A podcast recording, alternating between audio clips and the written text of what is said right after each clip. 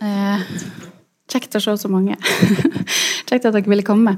Eh, jeg heter Gunhild Øyhaug, eh, og jeg har blitt invitert hit for å snakke om eh, min metode som forfatter. Um, og det skal jeg gjøre. Mm. Jeg lurte på om jeg hadde mat hengende ut her. Bare si ifra hvis dere ser litt sånn mat hengende. Um, uh, ja, og det skal jeg gjøre. Og så vil det også, når jeg har holdt foredraget mitt, så vil dere få uh, stille spørsmål. Um, og så vil det bli gjort opptak. Det ble jeg også bedt om å si fra om. Sånn, sånn at dere vet at spørsmåla vil bli gjort tilgjengelige på en podkast. Ikke svarene mine. Men jo da, det vil jeg også. Um, ja. Men jeg skal rett og slett uh, lese et foredrag um, som jeg har kalt 'Provokasjon og digresjon' om hovedmetoder og sidemetoder for skriving. Det som skal være emnet her i kveld, er meg sjøl. Eller rettere sagt hvordan jeg får ord til å stå etter hverandre på slike måter at de blir skjønnlitterære tekster. Akkurat dette er ganske enkelt å finne ut av. Tittelen på foredraget i programheftet er Øyehaugs metode. Det gjør meg letta her jeg sitter, en av de første dagene i mars og skriver på foredraget, og er i ferd med å prøve å tenke over hvordan jeg nå egentlig gjør dette, og har slått opp ordet metode i Store norske leksikon, som sier at ordet metode kommer fra det greske metodos, og tyder det å følge en bestemt vei mot et mål, forskning. Det gjør meg letta at etternavnet mitt modifiserer utgangspunktet at jeg ikke skal prøve å ta mål av meg til å presentere en metode for skjønnlitterær skrift som skal være intersubjektivt, etterprøvbar og universell. Det programheftet godt kunne ha sagt, var dette. Øyehaug er usikker på hva som egentlig vil være nyttig å snakke om. Vil det være nyttig å snakke om den faktiske prosessen? At hun står opp hver morgen, får ungene på skole, i samarbeid med ektemann, setter seg til skrivebordet og slår på PC-en og begynner der hun slapp i går. Det vil si, les gjennom alt hun har skrevet, og skriv om og redigerer før hun går videre og skriver mer. En prosess som tar mer og mer tid, de større manuset er. Eller vil det være nyttigere å snakke om det hun tenker på som sine indre og egentlige metoder, slik som assosiasjon, visualisering, digresjon, fiksjon eller vil det holde å si noe så enkelt som Gunhild Øyhaugs metode er å skrive? Ikke for å være respektløs i høve oppdraget, men fordi det er gjennom skrivinga at de såkalte indre og egentlige metodene, assosiasjon, visualisering, digresjon, fiksjon, kommer til liv. Det programheftet også kunne ha sagt, var dette. Øyehaugs veg mot ei bok er ofte så kronglete, uforutsigbar, frustrerende og forbløffende for forfatteren sjøl at det vil være komisk å late som om dette med skrivinga har noe som helst med ordet metode å gjøre, så lenge ordet metode har noe planmessig over seg, og det har det jo, skal vi tru, Store norske leksikon. Til og med dette foredraget har blitt til på samme måte som svært mange av tekstene hennes, gjennom store doser av grubling, kjensler av å ikke få det til, men også helt klare og plutselige blaff av inspirasjon og innsikt, for deretter å bare kjenne nei, dette foredraget blir det faktisk ingenting av. For å være 100% ærlig her i programheftet, dette foredraget har vært mye vanskeligere å skrive enn forfatteren trodde det skulle være. Driver jeg ikke med metoden hele tida, da, spurte hun seg sjøl da hun fikk spørsmålet, innforstått, dette blir enkelt. Men for å sitere den amerikanske forfatteren George Saunders We often discuss art this way. The artist had something he wanted to express, and then he just, you know, expressed it. We buy into some version of the intentional fallacy, the notion that art is about having a clear cut intention and then confidently executing the same. The actual process, in my experience, is much more mysterious and more of a pain in the ass to discuss truthfully. Og det er denne smerta forfatteren har kjent en del på under skrivinga av dette foredraget. Kan jeg ikke bare lese opp hele under sprekke i stedet?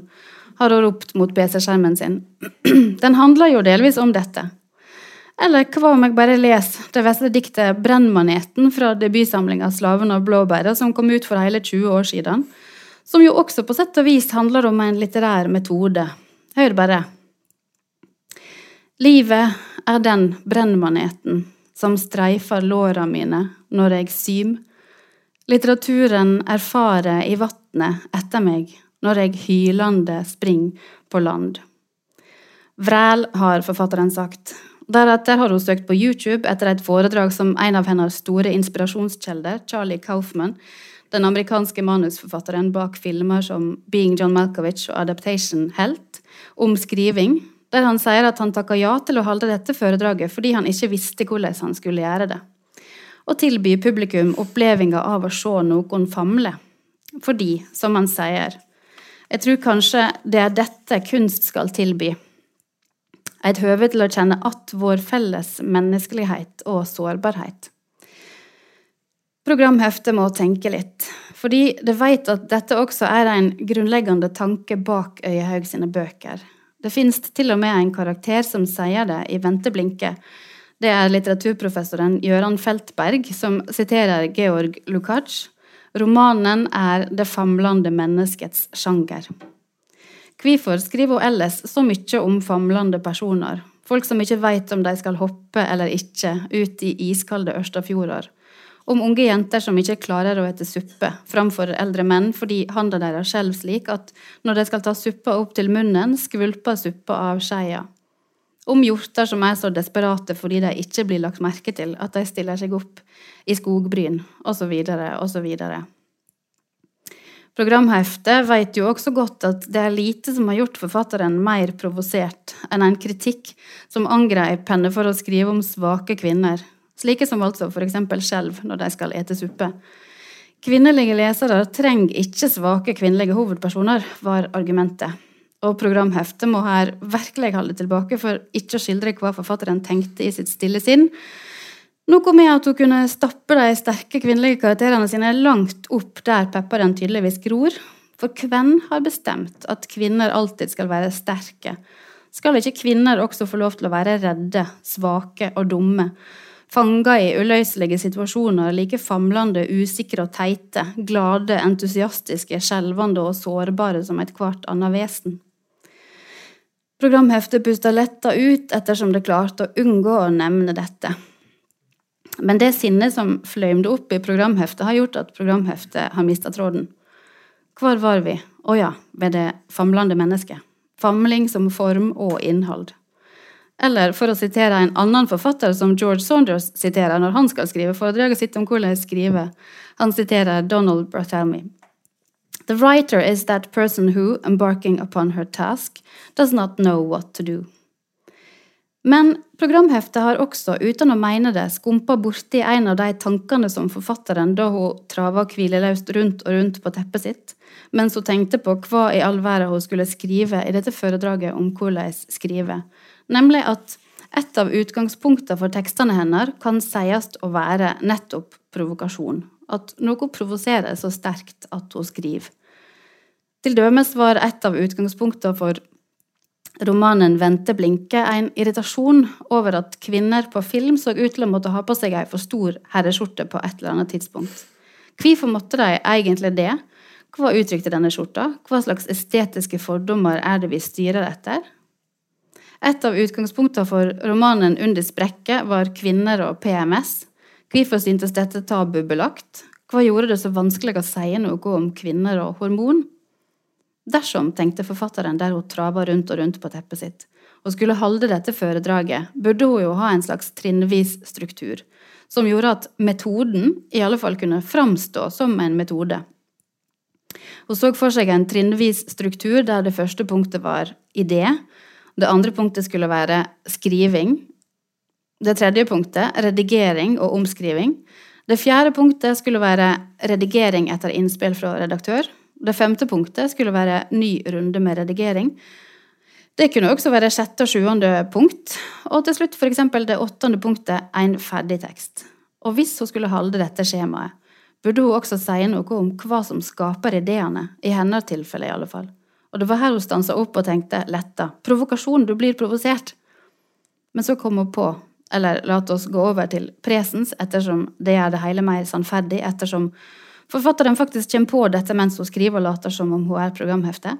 Men så kommer hun på er det egentlig, når vi i et foredrag om skrivemetoder og skriveprosesser er på punkt 1, nemlig idéplanet, mulig å bruke seg sjøl som metodisk eksempel for hvordan andre skal gå fram for å få fram en tekst?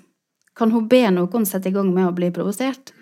Nei, for er det noe som i prinsippet er umulig, tenker forfatteren, så er det å bruke sitt eget indre som eksempel. Dessuten blir forfatteren i stor tvil. Det er jo slett ikke bare provokasjon som skaper tekstene. Programheftet må le, for det vet at forfatteren her står i fare for å bli fullstendig sentimental. Denne skrivinga, tenker forfatteren, mens noen i bakgrunnen spiller en nydelig og skjebnetung musikk, kommer jo fra noe langt inne, som hun sjøl ikke veit om hun forstår opphavet til. Hun innbiller seg også at dersom dette faktisk er noe som kommer fra langt inne, vil det prøve å komme seg ut og få kontakt. Eller det vil gjøre det som øret driver på med, det vil lytte. Hun tror at det er det hun gjør på når hun skriver, hun prøver å lytte. Hva betyr dette, er det øret spør om. Hva er det hun hører? Hva betyr ordet metode? Hva betyr ordet inderlig? Hva er feminisme? Hva er ei sterk kvinne? Hva er PMS? Hvordan oppstår forståing? Hvorfor blir en redd ved synet av mønstra strømpebukser? Når oppsto universet, og hvordan? Men altså, dette forfatteren så entusiastisk inderlig har tenkt om skriving som lytting her, handler ikke om metode, men mer om et slags utgangspunkt for hvorfor akkurat denne forfatteren skriver. Det har med en slags inderlig nytting å gjøre, eller ei intens undring, om du vil. Hun forstår ikke at det går an å skrive uten denne lyttinga. Derfor ville hennes første båd ikke være et metodebåd, men en premiss lytt. Det ser ut som om forfatteren og programheftet tenker eureka samstundes, og så springer begge to bort til dataskjermen. Forfatteren taster hurtig inn med ei gullskrift som både knitrer og brenner. Men det fins et problem med det inderlige. Det er gjerne brennende varmt. Det er gjerne så brennende varmt at om en skulle ta hele sitt innste inderlige og overrekke det til noen andre, ville de ikke klare å ta i det og en sjøl ville stå der med lidende, men oppfordrende ansikt og alt sitt inderlige fløymende på en slik måte at en kan hende sto i fare for å miste det, tømme det helt ut av seg og aldri våge å se på det igjen. Det inderlige er også farlig dersom det blir gjort til målestokk. Så varmt er mitt indre, hvor varmt er ditt? Det inderlige kan også være farlig om det blir gjort til overtyding som skal gjelde for andre. Så klokt og rett er mitt indre, hvor klokt og rett er ditt? Programheftet nikker svakt. En slik nikking en gjør når en ikke er helt medviten at en nikker, for programheftet aner at det bygger seg opp til noe her. Forfatteren skriver at hun tenker på ei kunstutstilling hun var på i Århus i 2016, på Aros, der en kunne se flere verk av den britiske kunstneren Grayson Parry. Et av kunstverkene hun kjente en særskilt entusiasme over, kunstverket med, var kunstverket med tittelen Hold Your Beliefs Lightly. Det vi ser, er barndomsbamsen til Grayson Perry, som har navnet Alan Measles. I bildet er han stor og gul, og han holder potene over ulike små representanter for ulike religioner, og sier Calm down, dear, it's only a belief system. Her råker kritikken religionen som vesen. Men for forfatteren les programheftet uttrykker setninga på sett og vis hennes eget program for skjønnlitterær skrift. Hun har til og med stilt det opp som en metode. Det står med store bokstaver i manuskriptet. Hold lett i det du tror på. Hvis det var dette som hadde stått i programheftet, hadde det vært enkelt for meg å holde fram. Fordi det, jeg, det jeg skal fram til nå, medan jeg prøver å holde fokus, samtidig som jeg hører tre gutter i underetasjen spille Minecraft, med to kontroller, noe som gjør at den tredje har funnet ut at han kan spille høyt og skingrende på melodika mens han venter på tur, er det en tanke om det å skrive fiksjon som en måte å holde lett i det en tror på. Å skrive går lettere dersom jeg ser for meg at jeg er programhefte til Litteraturhuset i Bergen, f.eks.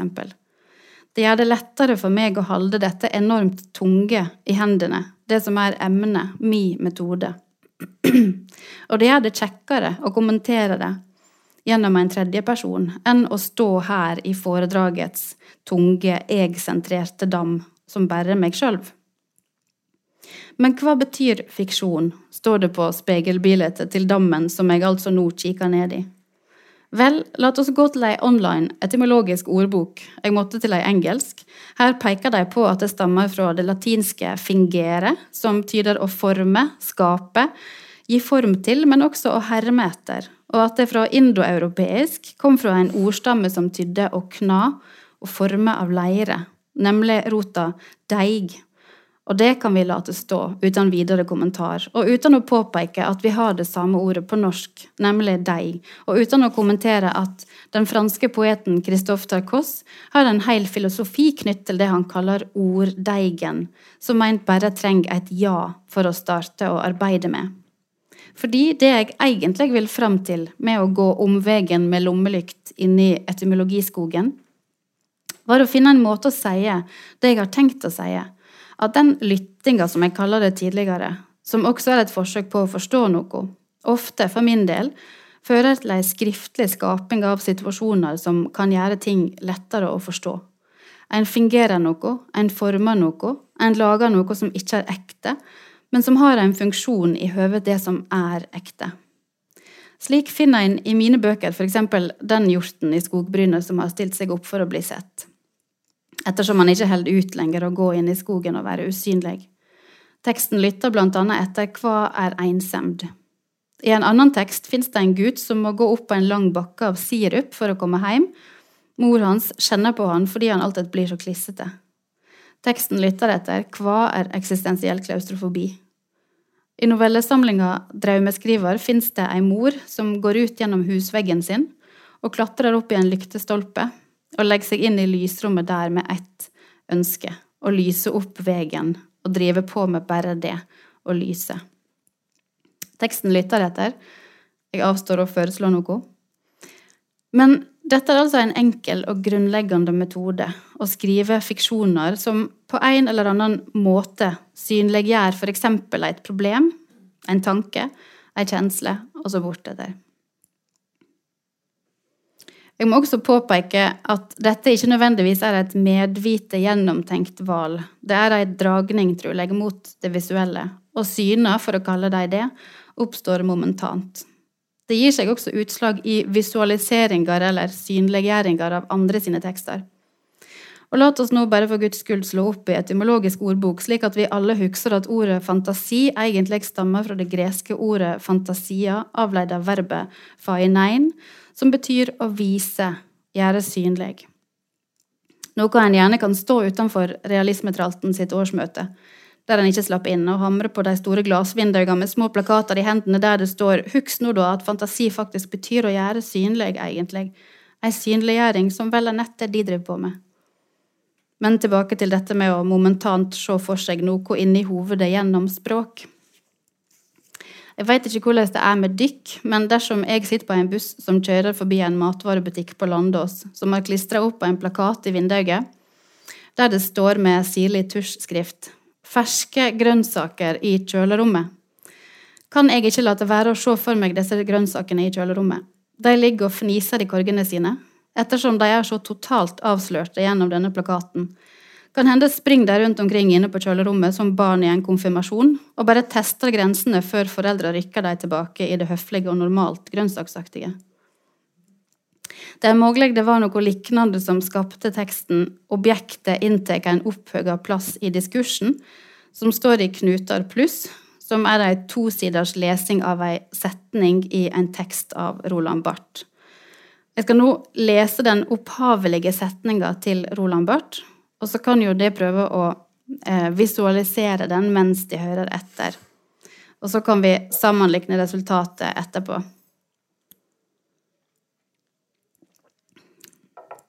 Setninga er forresten fra litteraturens nullpunkt. Det usammenhengende i det nye poetiske språket innfører en natur der det er brudd i kontinuiteten, og denne naturen åpenbarer seg bare i blokker.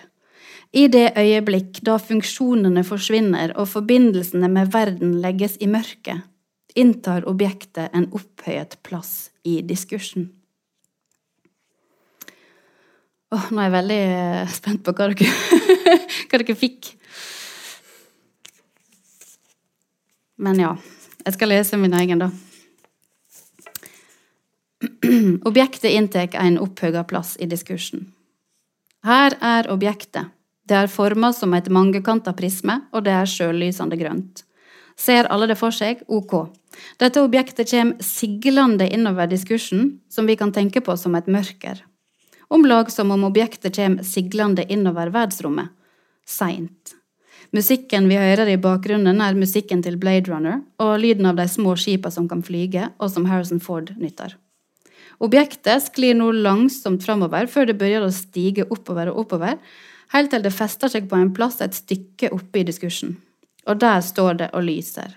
Ja, på en opphøga plass, nøyaktig slik Roland Barth skildrer det i litteraturens nullpunkt. Vi let lupa gli over teksten til Barth og ser ordet kontinuiteten, og vi ser nøye på ei setning som vi elsker. Det usammenhengende i det nye poetiske språket innfører en natur der det er brudd i kontinuiteten, og denne naturen åpenbarer seg bare i blokker. I det øyeblikk da funksjonene forsvinner og forbindelsene med verden legges i mørke, inntar objektet en opphøyet plass i diskursen. Det er slett ingen overrasking lenger at vi har bildet av et sjøllysende grønt prisme som sigler innover mørket og inntar en opphøyet plass på netthinna, om lag slik det er når en har stirra hardt på en taklampe og så lukker øynene. Det er ganske merkelig, tenker vi, at en setning som er skrevet for å forklare et vesenstrekk ved den moderne poesien, kan ha om lag samme effekt på fantasien vår som science fiction. Særlig setninga 'denne naturen åpenbarer seg bare i blokker' gjør at vi ser for oss et gigantisk mørker, og så rektangulære blokker som viser knallgrønne utsnitt av natur, og de står ikke bortover, men de opptrer som i lysglimt. Blokkene av knallgrønn og plutselig natur opptrer i lysglimt. Og når lyset slutter å lyse på dem, forsvinner de inn igjen i mørket som nifse og lukka vesen. Og setninga 'i det øyeblikk da funksjonene forsvinner og forbindelsene med verden legges i mørket', får oss til å tenke på funksjoner som knappene på et romskip, som mister forbindelsen med jorda, som en så langt har kunnet sett der nede som ei blåhvit klinkekule. Men nå er det slutt, det er mørkt, og inn kjem objektet, sjølysende grønt, og inntar en opphøga plass. Om lag som en ballett, der handlinga ikke var større enn at en ballettdanser brått kom inn på scenen og blei stående. Eller som et svært lite handlingsforløp i en tekst, som en kunne oppsummere med like mange ord som teksten sjøl, Objektet inntar en opphøga plass i diskursen. Jeg vet ikke om dette ble resultatet for eh, hver og en av dykk, at de fikk dette science fiction-scenarioet eh, i hovedet. Men vent litt, det ringer på. Jeg forlater PC-en min og går og åpner. Kan det være flere som vil spille PlayStation? Men utenfor står programheftet og Store norske leksikon og etymologisk ordbok. De ser skeptiske på meg, alle tre, med armene i kryss over brystet. Vi synes dette går litt seint, sier Store norske leksikon. Du har ennå ikke nevnt noe om det en kanskje kan se som en av dine hovedmetoder, nemlig karikatur og overdriving. For hvordan skal en lese en tekst som objektet inntar en opphøga plass i diskursen, om ikke som nettopp en slags karikatur?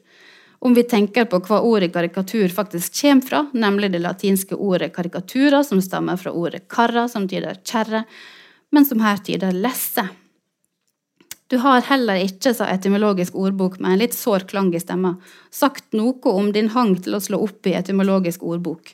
Du har ikke sagt noe mer om hvordan sjølve det å skrive er hovedmetoden, sjølve det å gå inn i språket, om vi skal si det på en så flott måte at vi nesten må hikke, og late orda starte å assosiere seg imellom, slik at det dukker opp helt nye og ofte uventa koblinger, og du kunne jo også ha nevnt hvor ofte det nettopp er biter av språk som setter i gang tekster, setninger du overhører på bussen, kunstverkskildringer under kunstverk på utstillinger, pakningsvedleggtekster, reklamespråk, avisreportasjer, skolestiler, biografispråk. Og, sier programheftet, du har ikke sagt et pip om at det var en gang du ikke hadde sett Charlie Kaufmans Being John Malkovich. Det var en gang du ikke hadde lest Virginia Wolves to the Lighthouse. Dette var i de mørke tidene, da det som en gang skulle bli forfatteren Gunnhild Øyehaug, svevde rundt som et potensial, som ei klode i et mørkt univers. Å, hør på det fine programheftespråket mitt, jubler programheftet, før det blir alvorlig. Med andre ord, du har ikke sagt noe om det som virkelig kan sies å være en av dine hovedmetoder. Det å lese, det å se, det å trekke inn andre sine tekster i dine egne. Du har ikke sagt noe om det å blande høg- og lavkulturelle kulturobjekt, at du oppfatter inspirasjon som en form for respons, og du har ikke sagt noe om at en av dine hovedmetoder som forfatter er å spørre hva det å fortelle er, at både når du skriver noveller og når du skriver romaner, er du i framgangsmåte inspirert av det essayistiske, som vel kan sies å være sjølve det famlende, skrivende mennesket sitt mest sanne ansikt, fordi det er lov til å gå inn i blindveger og sideveger, det er lov å hoppe og prøve ut, og late tanken bli synlig mens han blir tenkt, for å si det slik, det er mer lov, føler du, å leike. Og du har heller ikke nevnt ennå hva Michel Gondry, en av annen av dine favorittkunstnere, sier hva han mener er en idé, noe du jo alltid nevner når du blir spurt om hva en idé er, enten til en roman eller en novelle eller et filmmanus eller et essay. Jeg ler, jeg ser på programheftet, Store norske leksikon og etymologisk ordbok. De er utrolig søte der de står, i parkdressene sine, en mars ettermiddag i Bergen, og det snør. De har refleksvester på, og luene deres glir snart ned i ansiktet deres, og de er rødkinna og snørrete. Store norske leksikon prøver å drage inn litt snørr, men får det ikke til, og tørker med votten sin. Det blir ei sleip snørrstripe bortetter kinnet til Store norske leksikon. Ok, sier jeg. Michel Gondry forteller i en dokumentar som heter I'll Be Twelve Forever, at far hans var pianist, men at han slutta å spille piano fordi han følte at han aldri var inspirert på ekte at musikken skulle komme dalende som et guddommelig forsyn, og dette skjedde aldri, og siden ble det maktpåliggende for Gondry å finne ut hva originalitet egentlig var. Og det Michel Gondry sier om hva en idé er, er dette. Jeg bestemte at en idé rett og slett er når to ting klikker i hop. Det er når du har én tanke som du får til å virke i lag med en annen tanke. Du ser én ting, og det får deg til å tenke på en annen ting. Og disse to tinga sammen er en idé. Sitat slutt. Hold fram, sier programheftet og gjør ei rullende rørsle med handa. Og dette er i all hovedsak, sier jeg, her jeg står akkurat nå på Litteraturhuset i Bergen og ser på dykk som sitter her og er publikum, og lurer på hvem de er, og hva de skriver på. At dette er i all hovedsak det jeg vil si er min metode, både i det enkle, der jeg får en idé og i det videre arbeidet med teksten. Det som er min hovedmetode, eller hovedimpuls, min skapende kraft, både kan og vil jeg sette dette ordet på assosiasjon. Én ting får meg til å tenke på en annen ting. I åpninga til Undis brekke, som er en roman, eksempel, fins det en assosiasjon mellom et befrukta egg og den brennende busken i Mosebøkene. Jeg leser. Jeg er, kunne nå dette vesle punktet av sammensmelting ha påstått, om det hadde kunnet snakke, omtrent, omtrent slik som Gud påsto i den brennende busken da Moses spurte hvem som snakka, jeg er den jeg er. Sitat slutt. Og hvorfor dukka Gud opp der? Det var fordi jeg skrev at egget kunne ha sagt jeg er, og da dukka som et ekko den setninga fra Mosebøkene opp, jeg er den jeg er. Ei sammensetting, en assosiasjon som ble styrende for mye av romanens indre liv. I venteblinket er det assosiative et åpenlyst fortellergrep. For eksempel blir scener der Sigrid, som ikke klarer å forhandle med suppeskeia opp til munnen, avløst av en assosiasjon. Jeg leser. Det er ellers litt interessant at den måten Sigrid et suppa på, likner på måten The Bride i Kill Bill 2 prøver å ete ris på, der hun sitter på gulvet i det spartanske rommet til kung fu-meisteren Pai Mei etter dager med knallhard trening og slåing med knyttneven i en trevegg uten å lukkes å slå handa si igjennom. Sitat slutt. Neste kapittel åpner slik. Men dette med det spartanske rommet til kung fu-meisteren gjør at vi husker Viggo igjen, og vårt ønske om at han skulle få reise til Kina for å oppleve dette. Enda seinere driver fortelleren og ser på et bilde av litteraturteoretikeren Paul de Mann og smetter inn et eget kapittel. Sitat. Når vi ser nøyere etter, likner Paul de Mann på dette bildet i all sanning og av alle ting den rosa hestehovedskodda som Trine tenkte på tidligere. Det må være noe med det at han ser så fjern ut, men samtidig så solid og påtakelig. Og så videre. Jeg kunne sette digresjon opp som ei anna overskrift, under assosiasjon, og spekulasjon som ei tredje. Jeg har allerede nevnt karikatur og overdriving. Og alle disse kan en se som rørsler som tar tak i ett punkt, og deretter lar noe springe ut fra dette punktet, enten i brurørsla til assosiasjonen, fra ett punkt over i et helt annet punkt, som fra Poldermann sin staute, men litt fjerne positur på biblioteket sitt, til hestehovedskodda sin staute, men svært skoddete positur ute i verdensrommet, eller i loop eller sløyferørsla til digresjonen, som det vesle kapitlet om likskapen mellom det mann og hestehovedskodda vel også er et dømme på, i den narrative flaumen i romanen, som ellers holder på med å fortelle noe om hva karakterene gjør på. Eller i fri flyt av absolutt alle tolkninger av metoden til spekulasjonen, eller i streken i karikaturen som gjør f.eks. runde kinn ballongaktige, eller som i teksten om objektet i diskursen, gjør den akademiske analysen opptatt av farger og, farger og former. Hele det indre poetologiske livet i romanen Undersprekket kan en se som en diskusjon av assosiasjonen som litterær metode. For det er naturligvis på ingen måte tilfeldig at Undis blir gitt akkurat barokken å førelese i på høgskolen i Eitre, som hun så motvillig har vendt tilbake til som lærer. Hun sjøl kjenner bare motstand mot dette, og romanen kan kanskje se ut til å gjøre narr av hennes forsøk på å lese seg opp. Hun har f.eks. ikke kommet særlig lenger enn da romanen begynner, enn å slå opp ordet barokken i Store norske leksikon. Og kanskje vil ei enkel lesing tro at romanen i det hele gjør narr av det intellektuelle strevet i det å skulle forelese i barokken, en tidsepoke så kjent for effektmakeri og ornament og en helt bestemt estetisk snirklethet. Men romanens indre stemme vil noe annet med barokken. Jeg skal lese litt fra avslutninga av romanen fra selve det aller siste kapitlet.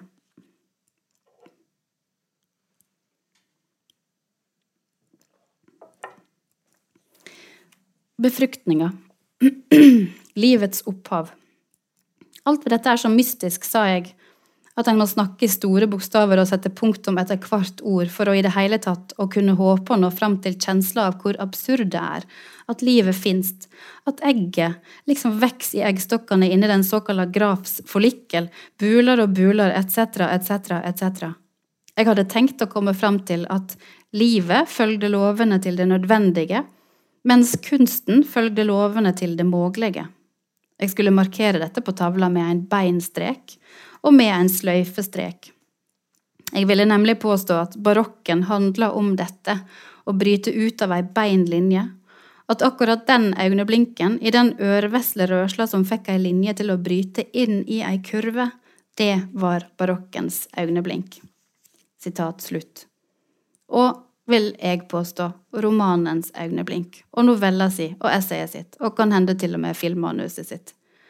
I alle høve er det svært skildrende for hva som skjer når akkurat denne forfatteren skriver.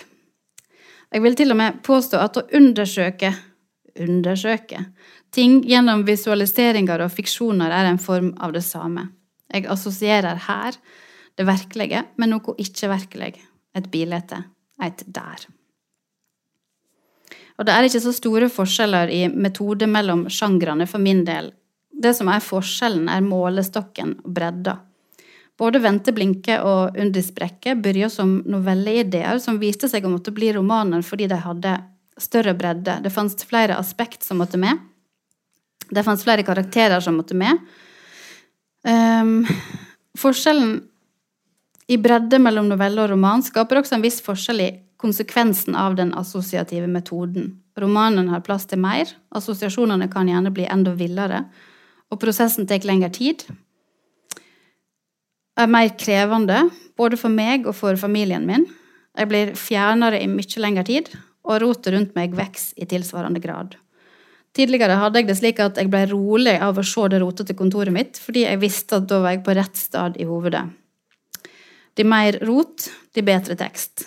De større hauger av bøker og papir, de mer kaos på pulten, de mer kaos på gulvet, de mer fokus i teksten.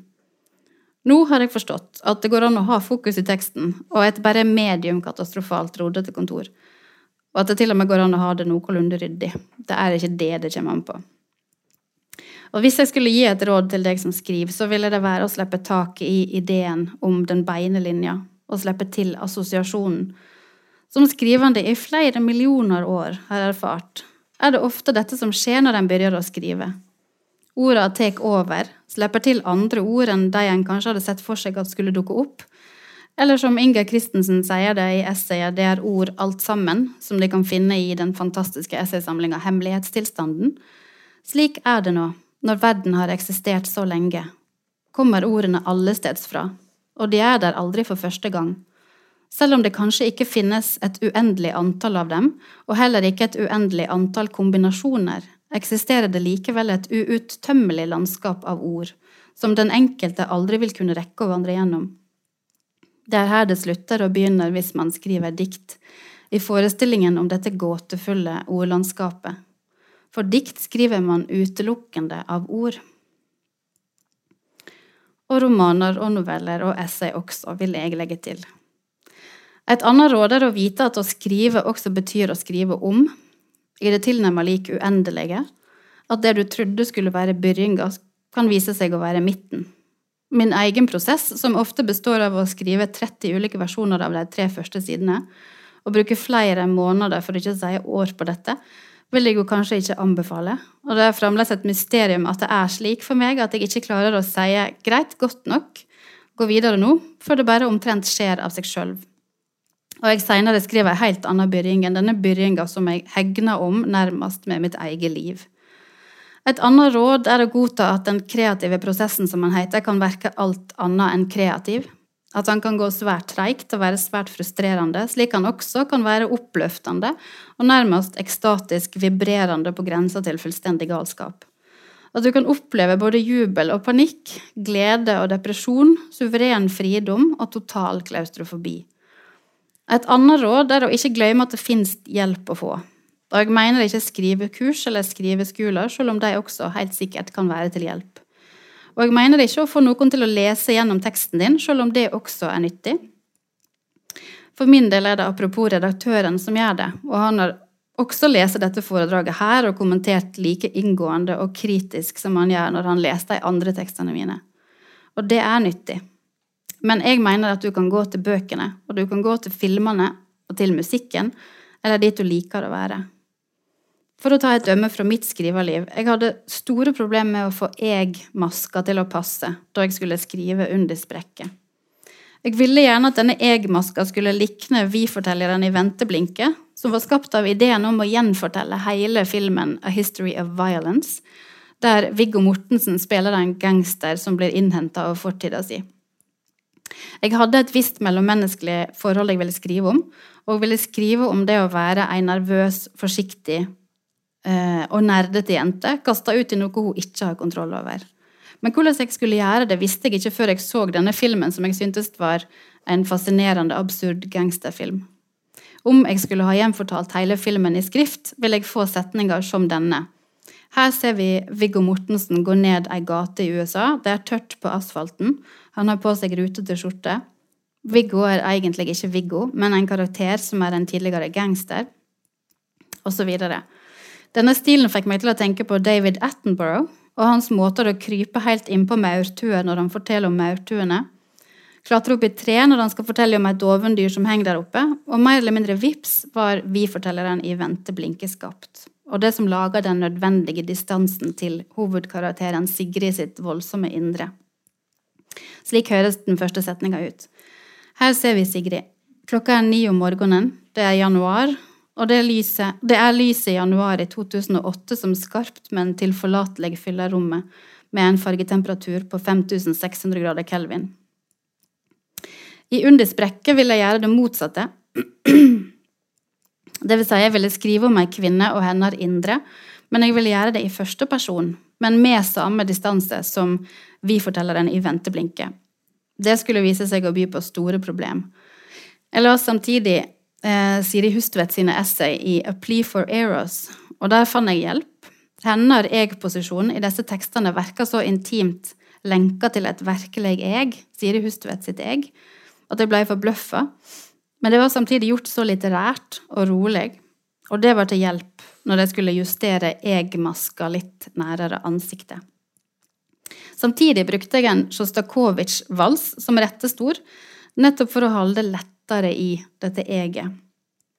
Valsen, som ellers er mye brukt i filmer, til dømes i Stanley Kubricks Eyes Wide Shut, blei ble spilt tilfeldigvis på radioen en dag jeg sto bom fast og holdt på å kaste romanen i søpla. Men da jeg hørte denne musikken, ble jeg minnet på hvor jeg skulle. Det var dette merkelige forholdet mellom bombastisk, romantisk vals, noe jeg følte det å fortelle i jeg-form var, og en sprø form for ironi. Så overdrevet og nært komisk, og samtidig vakkert. Og som enhver skriveprosessopplever veit, er det typisk at tilfeldighetene hjelper. Ikke særlig metodisk, akkurat. Men her ligger også den store gleda i arbeidet.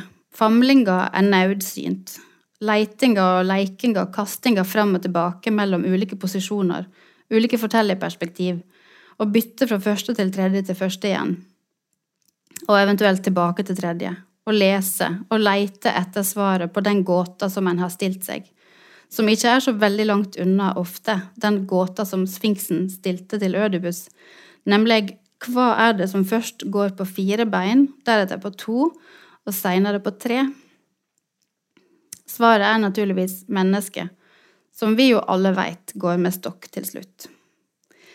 Gleda i skriveprosessen er både det å leite etter svaret på hva det er med mennesket, gjennom innfall, assosiasjoner, men også det å etter hvert forme deigen når den plutselig skimter et slags svar. Mine skriveprosesser er gjerne prega av ei ekstrem berg-og-dal-baneaktig utvikling. Gode dager blir alltid avløst av dårlige.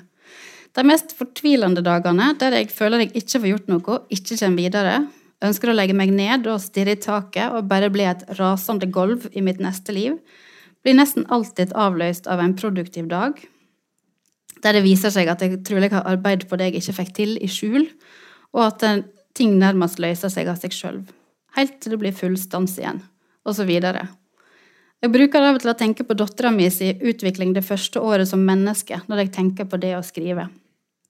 For hver gang hun var i ferd med å bryte grensene, var hun ekstremt sint og sur. Hun kunne stå i en alder av fire måneder på alle fire på gulvet og vagge fram og tilbake og hyle av raseri. Hun prøvde å krype. Hun hadde oppdaga at hun hadde noe i seg som gjorde at hun kunne klare å flytte seg framover ved hjelp av armer og bein. Hun bare forsto ikke hva som skulle til. Og en dag bare kraup hun. Jeg håper dette var oppløftende. Takk.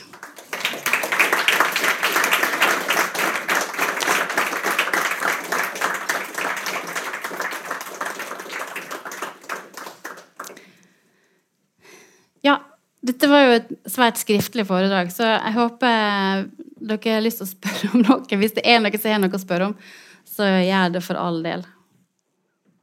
Jeg svarer på alt. Til og med hva jeg spiser til middag. Det er ikke spesielt interessant, men Hvis det er noe som har spørsmål, så still. Ja.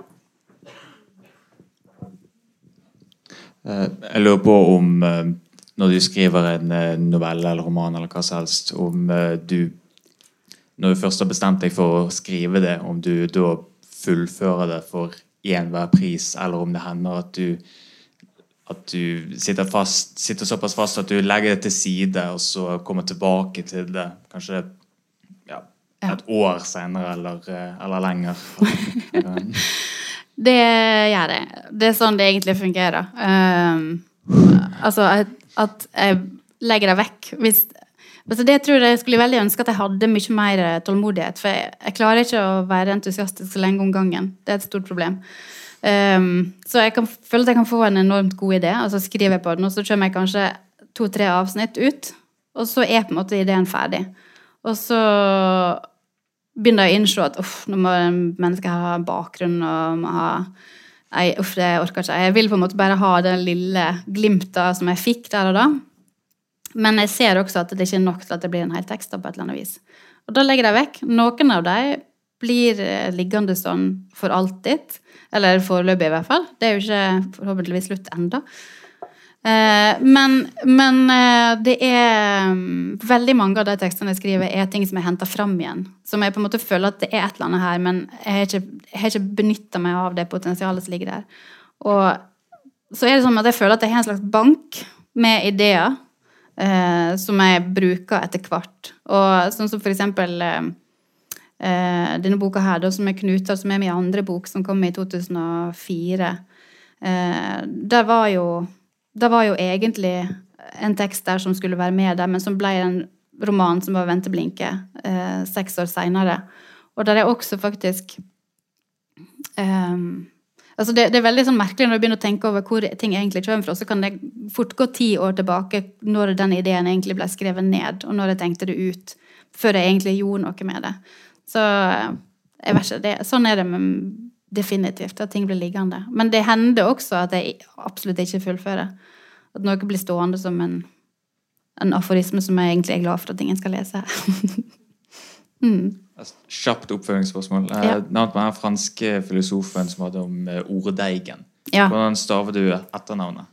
Eh, altså, det med Han heter Tarkos.